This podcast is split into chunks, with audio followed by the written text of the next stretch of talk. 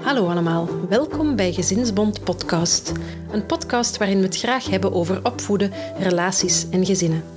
Ik ben Marijke, educatief medewerker bij Gezinsbond en mama van twee lieve, energieke jongens. In deze reeks Even met twee hebben we het over de eerste jaren als ouder. Niet alleen verander je zelf als je mama of papa wordt, ook in je relatie met je partner is het opnieuw zoeken en balanceren. We praten in deze reeks met enkele partners en experten. Relaties anno 2021. Laura Sels, medewerker aan UGent, neemt ons vandaag mee in het verhaal van relaties in de huidige maatschappij. We hebben het over de ups en downs en proberen inzichten te krijgen om deze beter te begrijpen. Wat Laura vertelt is onderbouwd vanuit wetenschappelijk onderzoek. Dag Laura, welkom en bedankt om hier bij ons te gast te zijn. Dankjewel, uh, bedankt om mij uit te nodigen. Um, om te beginnen zou ik het graag met jou hebben over de verwachtingen die we vandaag de dag hebben. Wat verwachten we eigenlijk van, van ons leven, van relaties? Um, goh, en welke verwachtingen dat mensen hebben voor hun relaties, dat wordt natuurlijk bepaald door allerlei verschillende factoren. Zowel individuele kenmerken als, als contextfactoren, uh, zoals impliciete verwachtingen die dat we meekrijgen vanuit de maatschappij, onze vrienden enzovoort. En ik heb de indruk dat heel veel experten, zoals bijvoorbeeld Dirk de Wachter, uh, tegenwoordig vaak betogen dat mensen hun verwachtingen te hoog zijn geworden. Dat we tegenwoordig alles van onze partner zouden verwachten. Hè? Dat onze partner onze beste vriend is, maar ook een passioneel minnaar, een betrouwbare vader, iemand die ons helpt om onszelf te ontplooien, enzovoort. En omdat we zoveel verwachtingen hebben, die dus samen eigenlijk onrealistisch zouden zijn, zouden wij eigenlijk niet anders kunnen dan teleurgesteld worden. Echter, uh, uit onderzoek blijkt eigenlijk dat niet zozeer het aantal verwachtingen is dat veranderd is, maar eerder het soort verwachtingen uh, dat we hebben in een relatie. Ja. Um, omdat de maatschappij nu eigenlijk heel hard uh, veranderd is. Uh, hetgeen er eigenlijk voor zorgt dat we onze partner niet meer echt nodig hebben. En daardoor werd hij eigenlijk verwacht om, om andere behoeftes en noden in te vullen dan 100 jaar geleden bijvoorbeeld. Hè, wanneer de partner echt nog, nog gewoon voor economische zekerheid moest zorgen. Vrouwen eigenlijk bijvoorbeeld niet zonder partner konden. Uh, nu kunnen we even gezonder. Dus we vaak enkel een relatie als die echt iets kan bijdragen aan ons leven, echt iets kan toevoegen. En daar zit vooral het grote verschil. Dus je zegt eigenlijk van vroeger was, was, het, was het gewoon nodig om te kunnen overleven bijna, hè, dat, je, dat je met twee was, hè, om, om, voor die financiële zekerheid en, en om, ja, om, omdat je als vrouw dan hè, ook niet, niet uit huis ging werken, um, om gewoon ja, je ding te kunnen doen. Maar dan nu is het eigenlijk meer vooral dan dat je um, een extra betekenis zoekt of zo, of, of in, in die relatie. Is het dan zo? Ja, mensen hebben, veel meer uh, individuele behoeften of zo. Hè. Ook afhankelijk aan wie dat je het vraagt. Ook zo'n partner bij wie dat ze bijvoorbeeld de beste versie van zichzelf kunnen zijn. Of die hen goed doet voelen over zichzelf. Of waarbij dat ze veel liefde ervaren. In de wetenschappelijke literatuur wordt dat soms hogere ordenoden of behoeften genoemd. Maar die zijn natuurlijk veel vloer en veel moeilijker uh, en veel individueler en dus ook moeilijker in te vullen. Dat is veel onduidelijker dan gewoon brood op de plank zien te brengen of voor de kinderen zorgen. We verlangen andere dingen van onze partner, maar wat precies? Vaak kunnen we daar zelf niet eens de vinger op leggen wat we precies dan wel van, van onze partner verlangen. Nee. Uh, en de dingen die we verlangen zijn veel dieper, die vereisen veel meer investeringen in elkaar. Tijd maken om jezelf en de ander echt te leren kennen en wat die dan precies verlangt. En echt een emotionele band op te bouwen, want dat is, dat is iets wat we dus, dus ook nu heel vaak zoeken. Ja. En daar knalt dan dus eigenlijk vaak het schoentje, zeker ook bij, bij gezinnen met, met, uh, of bij jonge gezinnen dat we nog nooit zo weinig tijd voor elkaar hebben gehad. Ja. En dus, terwijl dat we dingen verlangen waarvoor dat we eigenlijk net, net veel moeten investeren in elkaar, hebben we daar nu vaak niet echt tijd voor. We werken voltijd, we hebben een druk sociaal leven. Vaak willen we daar ook nog bij gaan sporten. Ik zie dat ook in mijn omgeving, hoeveel mensen nu marathons lopen en dergelijke. Uh, en dan natuurlijk, zeker bij, bij gezinnen, de kinderen. En dan, ja, vergeet je eigenlijk vaak ook, ook zelfs dat je iemands partner bent en, en word je net opgeslorpt door die ouderrol. Maar tegelijk blijf je wel van je partner allerlei diepe grote verwachtingen hebben, zoals dat, dat die ons moet kunnen begrijpen en moet kunnen zien wie dat we echt zijn en waar we nood aan hebben. En dan krijgen we dus het probleem dat onze verwachtingen eigenlijk niet aangepast zijn aan hoe onze relatie momenteel is. Waarin dat we eigenlijk niet echt heel veel tijd of capaciteit hebben om met onze partner bezig te zijn. En dan worden we inderdaad teleurgesteld. Ja, dus dan verwachten we toch wat te veel momenteel in de huidige maatschappij. Ik denk dat, dat vooral de, de, de vraag is van stem onze verwachtingen die we hebben overeen met de relatie die we op die moment echt hebben. En dat, we, dat die het beste aangepast zijn. Maar dat nu niet de logische oplossing is van verlaag uw verwachtingen. Ik denk dat het ook goed is om, om verwachtingen te hebben. Je mag ook van je partner verwachten dat hij emotioneel noden invult. Of dat hij niet je grenzen gaat overschrijden als je geen verwachtingen hebt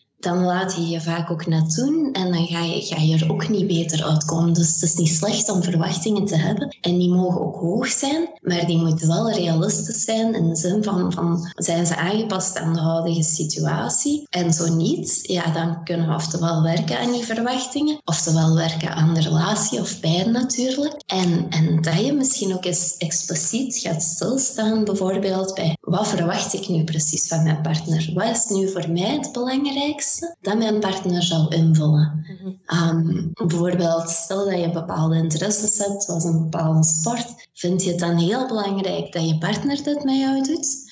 Of kan je dat eigenlijk ook alleen doen, of met iemand anders? Of zijn bepaalde verwachtingen die je hebt misschien niet tegenstrijdig? Bijvoorbeeld dat je enerzijds wilt dat je partner betrouwbaar is en telkens klaar staat voor jou en, en je kinderen. En anderzijds dat je mij eigenlijk verwijt dat je zo voorspelbaar is en dat je wilt dat je avontuurlijker en spannender is. Ja. Ehm, ik denk dat vooral het ding is dat mensen beter zouden stilstaan bij wat ze nu precies verwachten. En, en waarom en wat daarin het belangrijkste voor hen is. Ja, dus eigenlijk als eerste stap kijken naar jezelf en kijken wat, wat wil ik um, voor mezelf, maar ook binnen die relatie, wat is er voor mij belangrijk in mijn partner eigenlijk? Hè? Of wat zijn misschien de dingen waar, waardoor dat ik verliefd geworden ben op die persoon? Um, exact. En, ja, en, en wat kan je ook bijvoorbeeld zelf invullen? Hè? Uh, je kan dingen heel belangrijk eh, vinden, uh, maar die misschien ook niet per se bij je partner hoeven in te vullen, maar, maar bij vrienden of, of bij familie. Of... Ja, bijvoorbeeld stel ik, ik praat graag over een bepaald onderwerp, ik zeg maar zoiets, um, voetbal. Um, en mijn, mijn, partner heeft daar niet echt interesse voor, dat je dan eigenlijk gaat zoeken naar iemand anders waarmee je met, over voetbal kan praten. Op welke manier of hoe goed zijn we eigenlijk in begrip aan onze partner?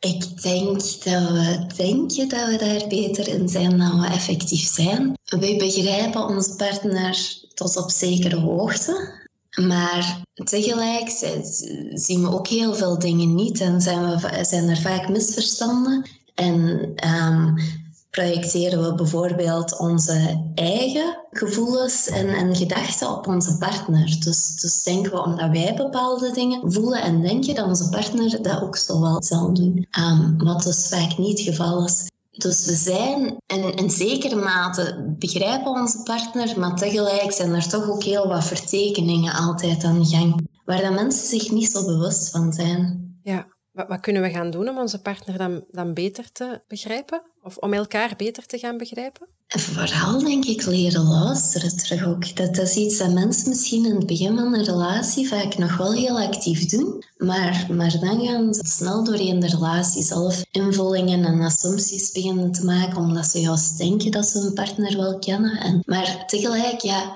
we zijn allemaal, we veranderen continu. En, en dus je kunt je partner eigenlijk nooit volledig kennen. Dus je moet die eigenlijk bijna blijven bevragen om, om, om te weten wat hij nu effectief denkt en voelt. Dus luisteren en vragen stellen is daarin denk ik heel belangrijk uh, om onze partner beter te leren begrijpen. En ook denk ik het besef dat um, of je partner je echt begrijpt versus of je je begrepen voelt, ja. dat dat eigenlijk niet zoveel samenhangt.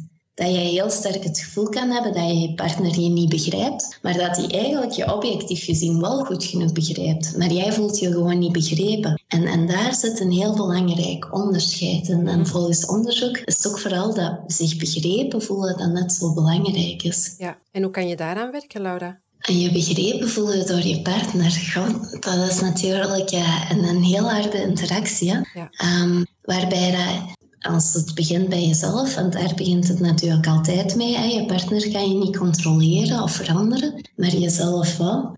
Dat je denk ik vooral stilstaat um, bij het feit dat, dat uh, je partner het sowieso niet slecht bedoelt of niet slecht met je voor heeft. En dat uiteindelijk ben je een team en wil de ander het beste voor je. En dat je daar al, al mee begint met gewoon dat besef, dat, dat misverstanden komen, komen niet per se uh, voort van, vanuit slechte intenties. Dus dat het daar al, al mee begint. Dus, dus Laura, wat, wat, wat kan je dan uh, zelf nog doen als je je onbegrepen voelt? Ja, uh, een goed idee is misschien om dat te benoemen, maar dan niet, niet in een, op een verwijtende manier. Je, hetgeen wat je voelt is realiteit. Hè, voor jou. Je voelt dat op die moment zo, zo aan, dus dat is waar. Maar dat is niet per se waar in de zin van dat dat dan ook echt is. Hè? Dat je partner je effectief niet begrijpt. Dus je kan het gewoon benoemen als ik voel me op deze moment onbegrepen, in plaats van jij begrijpt me niet. En van daaruit vertrekken en het dan beter proberen uit te leggen of op een manier die meer gaat naar, naar um,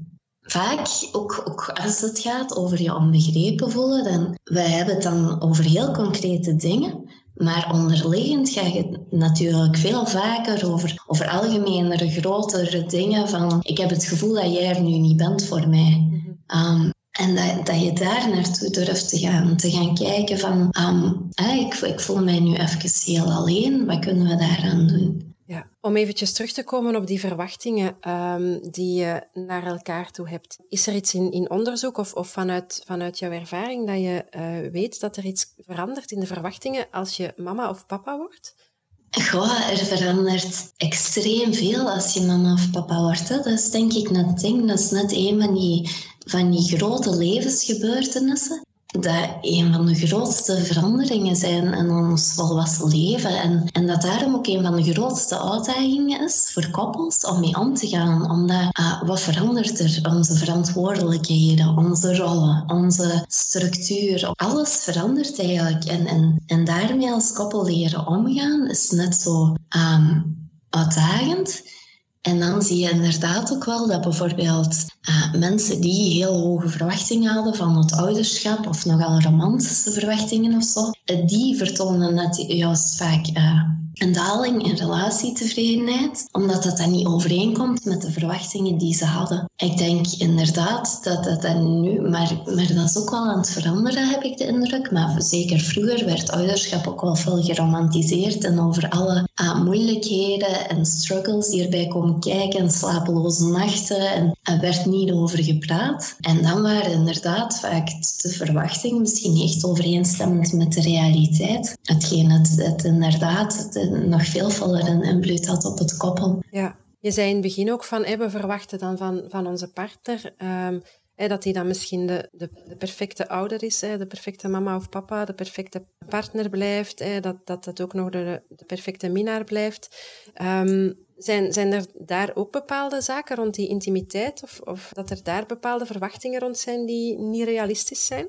Goh, ook daar denk ik wel dat er nu meer en meer wordt over gesproken. Hè? Dat, dat er eigenlijk niet meer... En vroeger was, was zo... Uh, het idee van koppels hebben gemiddeld drie keer per week seks. En, um, maar ik denk dat nu al wel duidelijker, en ik hoop dat ook oprecht, dat duidelijker aan het worden is in onze maatschappij dat dat helemaal niet het geval is. Dat er super grote individuele verschillen in zijn en, en hoe vaak koppels seks hebben en dat dat ook, of, of andere vormen van intimiteit. En dat dat ook helemaal niet, niks zegt over de kwaliteit van die relatie, mhm. zolang dat beide partners daar tevreden mee zijn. Ehm, maar dan is het natuurlijk dus ook belangrijk om, om, om de verwachtingen die, die men daarover heeft te, te bespreken en juist te kunnen afstemmen. Als er allerlei impliciete verwachtingen zijn en die verschillen, um, daar zit denk ik vaak het probleem. En dan ook, ook net vaak dus bij is dat hetgeen waar wat kinderen krijgen naar boven brengt. Dat er eigenlijk allemaal nieuwe onbekende situaties en, en taken opduiken waar, waarover men allerlei impliciete verwachtingen heeft, die misschien verschillen en die men, men nooit besproken heeft en waar men ineens over gaat moeten onderhandelen en discussies over gaat hebben. En dat dan nog eens gekoppeld aan het feit dat men ook dus vaak heel moe is en slapeloze nachten heeft. En ja, zorgt ervoor dat zo'n uitdaging is om een fijne relatie te blijven hebben naast, uh, naast en naast het opvoeden van die kinderen. Ja, um, Laura, hoe we in een, in een relatie staan wordt voor een stuk ook bepaald door wie dat we zelf zijn hè, en door onze eigen geschiedenis. In, in welke mate heeft, heeft uh, je eigen opvoeding die je gekregen hebt, hè, of de band met je ouders, een invloed op, op je uh, latere relaties? Ik denk dat heel veel psychologen en, en zelfhulpboeken over relaties en um, ook misschien in het algemeen in onze maatschappij nu tegenwoordig steeds meer focust op de invloed van je kindertijd op je latere relaties. Zo is het concept van hechting heel populair. En dat gaat over hoe dat je ouders en andere belangrijke volwassen figuren vroeger als kind mee omgingen. Of dat je bijvoorbeeld het gevoel had dat ze er voor je waren uh, als je ze nodig had, of net helemaal niet. Dat dat de verwachtingen en de overtuigingen beïnvloeden die dat we later gaan hebben. Zowel over onszelf als eigenlijk over anderen. Dus het idee is dat je bij het opgroeien bepaalde overtuigingen en verwachtingen, schema's gaat creëren en die je zelf eigenlijk eigen gaat maken en die gaan onbewust aan je handelen sturen. Dus eigenlijk komt dat nu ook weer een beetje terug op die verwachtingen die we eigenlijk allemaal impliciet gaan hebben. En niet alleen over de ander, maar ook over onszelf en hoe we met die ander horen om te gaan. En dus ook hoe dat we ons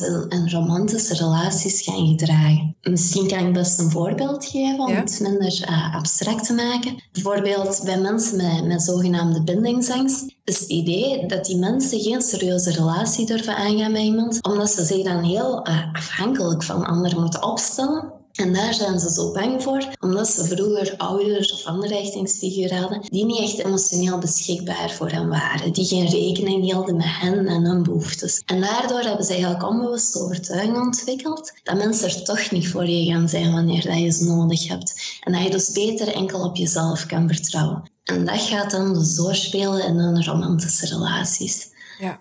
Um, dus dat is zo het idee van, van de hechtingstheorie, hetgeen een heel belangrijke theorie is in, in, in uh, de romantische relatieliteratuur en ontwikkelingspsychologie. En, en natuurlijk ook, ook andere theorieën en onderzoek geeft, geeft ook aan natuurlijk dat je opvoeding en, en de ervaringen die je daarin hebt, dat die later heel hard gaan doorspelen. Zoals bijvoorbeeld ook dat kinderen van ouders die gescheiden zijn later ook veel meer risico hebben om te scheiden. Ja.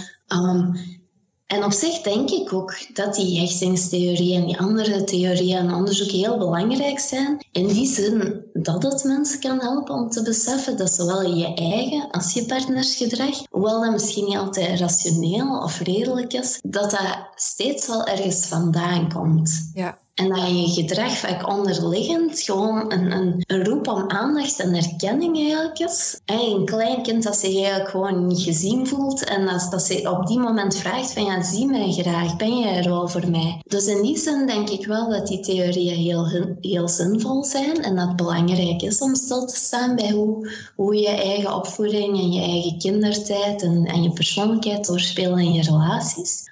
Um, maar tegelijk ben ik soms ook wel bang dat we hier nu te veel aandacht aan zijn gaan besteden. In die zin dat soms misschien wel als een excuus of alles verklarende oorzaak gebruikt wordt. Zowel voor ons eigen gedrag als voor onze partner. Van, ik doe zo omdat ik zo ben opgegroeid. Dus jij moet dat maar verstaan van mij. Ja, ja. En dat we wel moeten gaan oppassen dat we zo niet elk gedrag gaan goed praten. Want ik denk dat, dat we zo eigenlijk misschien soms een beetje voorbij gaan aan onze capaciteit als mensen om, om te groeien en om te veranderen. En net om te leren niet in te gaan op bepaalde neigingen of emoties die we hebben. Dat bewustzijn daarvan er net voor kan zorgen dat we het anders gaan doen. Ja. Dus ik, ik hoor jou zeggen van het is weer opnieuw belangrijk om stil te staan bij, bij jezelf, hè, wat dat je zelf ervaart, wat dat je voelt en, en even na te denken van waar dat, dat eventueel kan komen, maar dat dan niet te gaan gebruiken als um, het is nu zo, hè, want het komt vanuit mijn geschiedenis, ik kan er niks aan veranderen, maar om het wel aan te pakken uh, als je je er bewust van wordt en er eventueel iets mee te gaan doen. Dus het is ook niet zo als je zelf gescheiden ouders gehad hebt, dat je dan ontzettend veel schrik moet hebben dat, dat het hetzelfde met jou gaat gebeuren. Hè? Dus um, je zegt van er is verhoogd risico, hè? dat heeft onderzoek aangetoond. Maar door je er bewust van te zijn en te gaan kijken van eh, wat, wat doet dat allemaal met mij, kan je eigenlijk ervoor zorgen dat je eigen relatie wel stabiel blijft.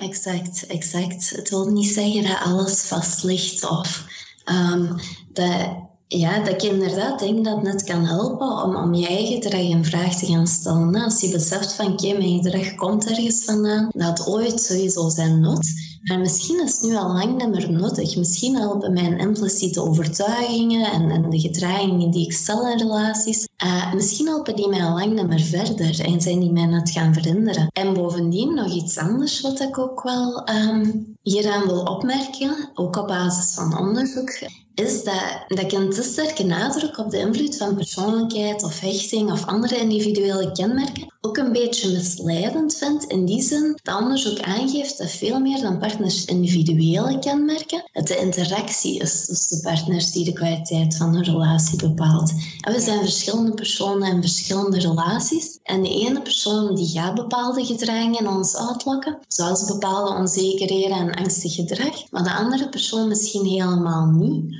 Um, dus dat dat ook wel iets belangrijk is om, om in rekening mee te nemen. Dat altijd een interactie is tussen jou en je partner. Ja, en, en interactie, dus daar, daar is ook weer die communicatie dan superbelangrijk, denk ik. Hè? Ja, inderdaad. en dat je ook kan benoemen van dat bepaalde dingen die, die je partner doet, bepaalde reacties bij jou uitlokken, omwille van bijvoorbeeld vroegere ervaringen. En, en dat je dat dan zo samen eigenlijk kan, kan gaan aanpakken en gaan aanpassen. Mhm. een, een, belangrijke impact op relaties kan ook de uh, factor van, van stress zijn. Wat, wat zijn verschillende stressfactoren uh, die meespelen in relaties? Ja, um, dus een stressonderzoek wordt er meestal een onderscheid gemaakt tussen acute stress, echt heel grote, uh, belangrijke, kritische levensgebeurtenissen, zoals plots werkloosheid of onvruchtbaarheid of de dood van een belangrijke persoon. En meer chronische slopende uh, bronnen van stress, zoals financiële zorgen of een chronische ziekte of een stressvolle job. En um, Beide, beide soorten stress hebben eigenlijk een grote invloed op onze relatie. Het is moeilijk om een goede relatie te onderhouden wanneer er stress aanwezig is, zowel bij acute bronnen van stress als meer chronische. Nu wil ik daar misschien ook wel direct weer iets bij zeggen. Ik merk wel dat dezelfde dingen uh, terugkomen, maar ook hierbij gaat misschien wel meer weer om de perceptie van iets dan iets objectief. Eigenlijk is stress niet iets dat je als objectief kan zien. Het is niet een externe ja, situatie. Stress? Nee, het is mijn perceptie van een situatie als stresserend. Eh, ik heb het gevoel dat ik een situatie niet onder controle krijg, dat ik niet mee kan omgaan, dat die bedreigend is, dat zorgt voor stress. Dus stress is eigenlijk een, een, subjectief persoonlijk gegeven. En in eenzelfde situatie kan door één iemand als stresserend ervaren worden, maar door de ander helemaal niet. Ja, het kan zijn dat, mijn, dat een vriendin van mij werkloos is en daar gewoon nog door het leven blijft fladderen, bij wijze van spreken, mhm. en denkt van, dit pakken we wel aan, geen probleem. Um, en dat ik zelf eh, werkloos word en daar, uh, daar wel door in een gigantische stresskramp schiet, bijvoorbeeld. Zeker, zeker. En daar spelen heel wat factoren uh, een rol in. Hè. Weer uh, bijvoorbeeld je, je opvoeding, ervaring in het verleden, je persoonlijkheid, je omgeving. En ook in relaties lijken sommige koppels beter om te kunnen met, met, met stress dan anderen. En iets dat daarin heel belangrijk blijkt te zijn, zijn eigenlijk de, de middelen of de resources die ze hebben om met stress om te gaan. Ja. Wanneer, wanneer die al beperkt zijn, dan gaat stress nog veel harder een negatieve invloed hebben. Nu ook hier, dat klinkt misschien weer nogal abstract. Dus bijvoorbeeld, stel dat een van je kinderen plots een bepaalde ziekte krijgt of blijkt te hebben. En de invloed van die stressor, je kind dat ziek wordt, dat is veel groter en negatiever als je daar bovenop nog eens met financiële beperkingen zit of een beperkt sociaal netwerk hebt waar je beroep op kan doen of beperkte opties hebt voor kinderopvang. Uh, als je ook nog eens uitgeput bent van stress op je werk, dus als je resources eigenlijk om daarmee om te gaan, je, je steunbronnen, je middelen, als die lager zijn, dan gaat die stress een, een veel grotere invloed hebben. Ja. En daarom zien we bijvoorbeeld ook dat mensen die een lagere sociaal-economische status hebben, dat die een grotere kans op scheiding hebben. Omdat een lagere sociaal-economische status bijvoorbeeld niet alleen een reeks van moeilijke omstandigheden met zich meebrengt, waar dat koppels over moeten onderhandelen en communiceren, maar ook doordat ze vaak nog eens minder middelen hebben om met die omstandigheden om te gaan, zoals een beperkt netwerk, financiële beperkingen enzovoort. Mhm. het, het krijgen van kinderen zelf, is dat ook een stressfactor, Laura? Heeft onderzoek daar iets over gezegd? Ik denk dat dat zeker als een stressfactor kan gezien worden, in die zin dat hij heel grote uitdagingen met zich meebrengt. Ehm, en die voor de, het ene koppel voor meer stress gaan zorgen als voor het andere koppel. Juist, juist omdat, die uh, misschien nog over minder gecommuniceerd hebben, andere verwachtingen hadden en dergelijke. Uh, maar ik denk zeker, ja, volgens bepaalde definities van stress kunnen ook positieve gebeurtenissen kunnen ook als, als een stressor worden gezien, zoals een huwelijk of het krijgen van kinderen. Of als, als deze wel voor jou het gevoel doen krijgen dat je daar misschien uh, niet mee gaat kunnen omgaan of dat ze die bedreigend aanvoelen voor jou menen van de reden. Ja, wat kan je als partners doen voor elkaar om, om die stress, om daarmee om te gaan? Of hoe kan je elkaar ehm, steunen? Hoe kan je elkaar steunen? Ja, dat is, nu kan ik van alle concrete tips beginnen geven over actief naar elkaar luisteren, niet hè, vanuit je, je impulsen reageren. Maar dat is natuurlijk ook allemaal makkelijk gezegd. Ja. Zeker als je kijkt naar, naar uh, ja, jonge gezinnen met kinderen, want misschien wil ik dat ook nog wel even zeggen. Dat, ja, stress put je gewoon ook uit. En dat de capaciteiten die je hebt om constructief op je partner en relatieuitdagingen te reageren. En mensen gaan veel sneller impulsief en negatief reageren als een partner iets zegt of doet dat je misschien verkeerd zou kunnen opvatten. Want de relatie kost natuurlijk energie en als die energie al op is, dan kan je die niet gaan gebruiken om, om mhm. op een goede manier met je partner om te gaan. Dus ik denk dat het ook wel belangrijk is dat mensen zich gewoon een beetje bewust worden van het feit dat stress van buiten de relatie makkelijk in de relatie gaat slapen, omdat daar ook de interactie tussen partners eigenlijk gaat beïnvloeden, doordat de gestresseerde partner zich negatiever gaat gedragen, de ander zijn of haar gedrag negatiever gaat interpreteren. bijvoorbeeld, ik kom thuis van mijn werk en ik heb het gevoel dat mijn partner afstandelijk doet. ik, ik kom binnen, uh, maar die negeert mij eigenlijk, gaat meteen in de zetel zitten. En ik kan, kan zijn gedrag op verschillende manieren interpreteren. Ik kan zeggen van hij gedraagt zich zo omdat hij een moeilijke dag had op het werk. Het heeft niks te maken met mij of hoe dat ik mij voel over de relatie. Het heeft geen gevolgen voor hoe dat ik mij voel over de relatie. Maar ik kan het ook negatief gaan interpreteren. En dat gebeurt veel sneller als je gestresseerd bent. En, en daar negatieve interpretaties gaan aanhangen. Van ja, hij gedraagt zich zo omdat hij niet geïnteresseerd is in mij. Dus op verschillende momenten ga ik eigenlijk eenzelfde gedrag heel verschillend interpreteren. Hetgeen dat dan natuurlijk weer heel andere gevolgen heeft voor het verdere verloop van de interactie tussen mij en mijn partner. En dat zorgt er dan eigenlijk voor bij stress dat interacties steeds negatiever gaan worden en dat partners gaan vervreemden van elkaar. Uh, en zeker ook bij zo kleine continue stressoren, omdat je daar vaak niet bewust van bent dat die eigenlijk een invloed hebben op hoe je naar je partner kijkt. Dus ik denk dat daar misschien alweer het begin ligt, maar nu herhaal ik mezelf, van er al bewust van worden. uh, dat misschien niks met je partner te maken heeft, maar meer in, in jou is het. Um, en dat je partner het misschien wel gewoon goed bedoelt. Of, of, of die, de dingen die jij doet om een heel andere reden kan doen dan dingen die met jou te maken hebben. Ja, die, die momenten dat er dan toch al eens ruzie gemaakt wordt hè, of een conflict is tussen, tussen partners, um, die, die, die zijn er overal wel eens, denk ik. Zijn er goede of, of minder goede manieren om ruzie te maken? Sowieso, ja. Uh, dat wijst heel veel onderzoek uit van het is, het is niet erg om ruzie te maken. Of, of uh, het is niet hoe vaak je ruzie maakt, maar wel de manier waarop je ruzie maakt. Die is heel belangrijk. En, en die kan heel destructief zijn of, of net ervoor zorgen dat, dat je ook op lange termijn er beter af bent. Want natuurlijk is het doel van ruzie eigenlijk dat er iets verandert. Hè? Ja. Um, en, en de manier waarop je ruzie maakt kan ervoor zorgen dat je net effectief iets gaat veranderen of dat, dat alles hetzelfde blijft.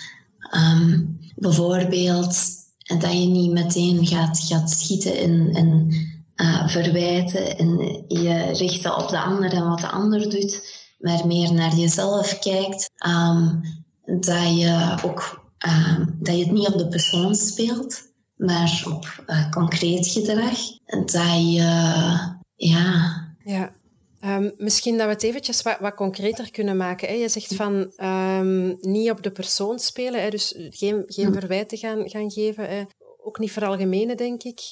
Dus je, je, gaat, je gaat niet zeggen bijvoorbeeld, jij luistert nooit naar mij. Hè? Um, maar misschien eerder zeggen van, hè, op dat moment, vanochtend, toen ik jou dat wou vertellen, wat voor mij belangrijk was, hè, toen had ik het gevoel dat je niet echt aan het luisteren was naar mij. En dat raakt mij, zoiets.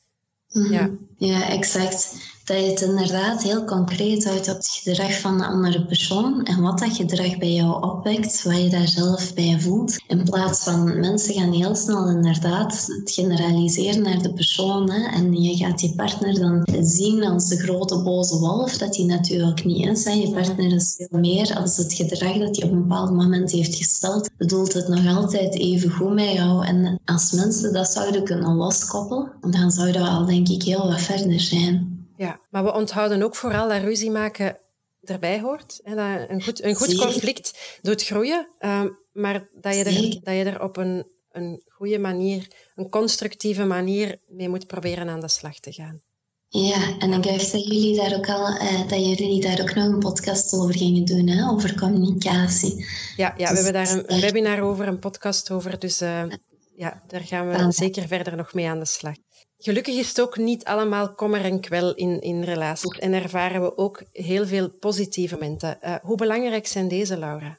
Uh, heel belangrijk, denk ik. Um, in relatieonderzoek en, en ook bij koppels zelf wordt er heel vaak gefocust op problemen, negatieve momenten en emoties. En dat doen we ons bijna vergeten waarom dat we überhaupt voor een relatie zouden kiezen. Maar veel vaker dan negatieve emoties en momenten hebben we natuurlijk ook positieve ervaringen samen. En die zijn het super belangrijk om de invloed van negatieve emoties en conflicten en momenten te verminderen. Omdat dat voor een soort van reserve of energiereserve kan zorgen, die de impact van af en toe eens een conflict of je partner die iets kwetsend zegt net minder groot maakt. Uh, maar ironisch genoeg zijn dat ook wel de eerste dingen die vaak verdwijnen bij een koppel wanneer dat ze een kind krijgen. Dat ze positieve dingetjes zoals samen ja, doen of avontuur of nieuwsgierigheid naar elkaar. En dat zijn dingen die, die vaak uh, het eerst eigenlijk wegvallen. En, en, omdat ze zoveel tijd moeten besteden aan het kind en, alle uitdagingen die daarbij komen. En uh, het is dan ook dus heel belangrijk om wel echt de positieve momenten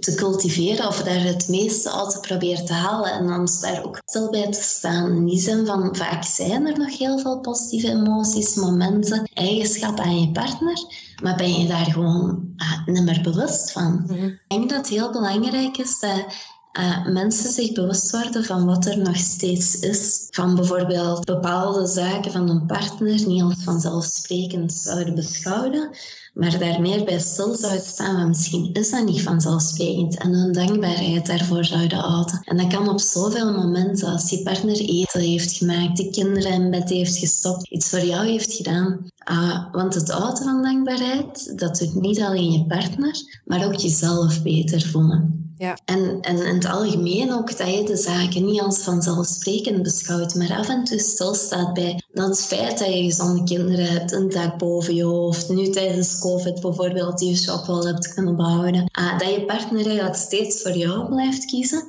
dat die dingen misschien niet zo vanzelfsprekend zijn. Uh, of het feit dat jullie ook nog heel veel positieve momenten samen hebben. Want veel van die positieve momenten die worden in ongelukkige koppels vaak niet eens meer opgemerkt. Dat je daar gewoon nog eens echt bewust bij stilstaat. En herinneringen ophaalt bijvoorbeeld ook aan positieve momenten. Momenten waarop dat je je gelukkig voelde met je partner. En dat die dingen gaan helpen om je partner eigenlijk weer in een ander licht te zien. En om meer tijd samen te willen doorbrengen. Ja, ik had gisteren een gesprek met een koppel. Um, elke keer als zij een bepaald liedje op de radio horen, dan, um, dan gaan zij eigenlijk gewoon met, met hun, samen met hun drie kinderen dansend de woonkamer door. Dus zo'n zo'n is eigenlijk zijn die positieve momenten dat je, uh, dat je kan gaan opzoeken, denk ik. Hè? Ja, Ja, en zo kleine rituelen en, en gewoontes zijn super belangrijk. Zo die, die kleine vaste momenten waarin dat je samen zo'n gedeeld positief moment hebt, ja, daar, daar doe je het echt voor.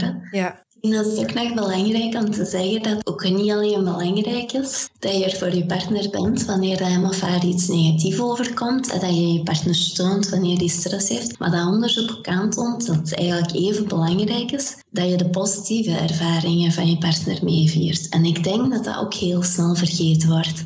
Als je partner bijvoorbeeld een jobpromotie krijgt of zo, dat je, dat je ziet dat je daarop positief en enthousiast gaat reageren en mee gaat blij zijn voor hem of haar en dat gaat tonen, in plaats van dat je meteen gaat focussen op negatieve zaken zoals van oeh, nu ga jij nog meer weg zijn of dat je daar niet echt op reageert omdat je op die moment niet echt de energie daarvoor hebt. Want dat samen vieren van zo'n individuele successen ook hele positieve effecten kan hebben op hoe je partner zich voelt, hoe jij je voelt, op jullie relatie. En dat dat ook een makkelijke mogelijkheid is eigenlijk om intimiteit te verhogen, zonder dat hij heel die beladenis heeft, eh, bij, zoals bij conflict of, of bij, bij negatieve momenten. Ja, dus belangrijke momenten in, in het individuele leven, daar als partner blij voor zijn. Maar ik hoor jou daar straks ook zeggen van die kleine dingetjes. Hè.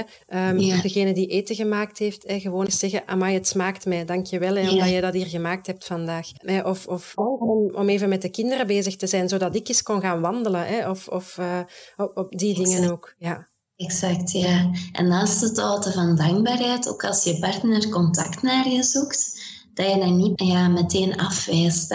Ja. En soms je bent moe en je, oké, je merkt wel dat je partner een vraag stelt of, of dat die is lacht naar jou, maar je, je reageert daar niet op, want dat je toch dan even de moeite doet om, om daar wel op te reageren, omdat dat je herkent wat daaronder ligt. Van je partner die doet een toenaderingspoging, die wil dichter bij je zijn. Daarop reageren kan, kan heel makkelijk terug voor zo'n kort positief moment uh, zorgen. Dat je terug dichter bij elkaar doet voelen en dat terug jou meer energie ja, kan, kan opleveren. Ja, dus aandacht hebben voor elkaar eigenlijk. Hè? Ja, dat blijft super belangrijk. Maar dat is niet vanzelfsprekend als, als je aandacht continu zo wordt opgeëist. En, er, ja. Mhm. En daarom ook, ja, soms die kinderen naar de grootouders. Of blijf toch samen dingen doen, zodat je dan aandacht kan hebben voor elkaar. Mhm. Ik denk dat dat mooie woorden zijn om af te sluiten, Laura. Ik heb nog één vraag voor jou. Het is eigenlijk zo dat wij bij Gezinsbond momenteel toekomstwensen uh, aan het verzamelen zijn voor gezinnen. Dus mijn vraag naar jou is gewoon, wat zou jij voor de, de gezinnen wensen voor de toekomst? Ja, heel veel positieve momenten dan omdat we daar net samen over bezig waren. Ja. Meer, ik denk meer mildheid. Ja voor zichzelf en voor de ander. Dat mensen wat zachter voor zichzelf en voor elkaar zouden zijn. Dat dat al heel veel zou doen.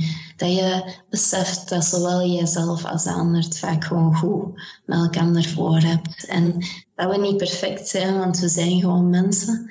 Um, en dat dat ook niet erg is. Ja, dat is een hele mooie wens, Laura. Dank je wel. Echt super hard bedankt voor heel deze boeiende en, en, en mooie uitleg. Ik denk dat er weer veel mensen zich hierdoor kunnen laten inspireren hebben. Dank je wel. Graag gedaan. Deze aflevering van Gezinsbond Podcast Even met Twee was alvast een boeiende start van de reeks met experten. Een deel van de onderwerpen die we hier vandaag bespraken gaan we nog verder uitdiepen in de komende afleveringen. Zo zullen we het nog hebben over seksualiteit, over de verschillende rollen die je inneemt en het effect van postpartum depressie op je relatie. Dit was het weer voor vandaag. Wil je in de toekomst nog meer van deze podcast beluisteren? Abonneer je dan in je favoriete podcast-app en mis geen enkele aflevering van Gezinsbond Podcast. Laat ons weten wat je ervan vindt via een recensie in je favoriete podcast-app of stuur een mail naar podcast.gezinsbond.be. Wil je op de hoogte blijven van de laatste updates? Volg ons dan op Facebook en Instagram. Zin om nog wat meer te lezen? Neem dan een kijkje op goedgezind.be. Zo, iedereen thuis, bedankt om te luisteren en tot de volgende keer.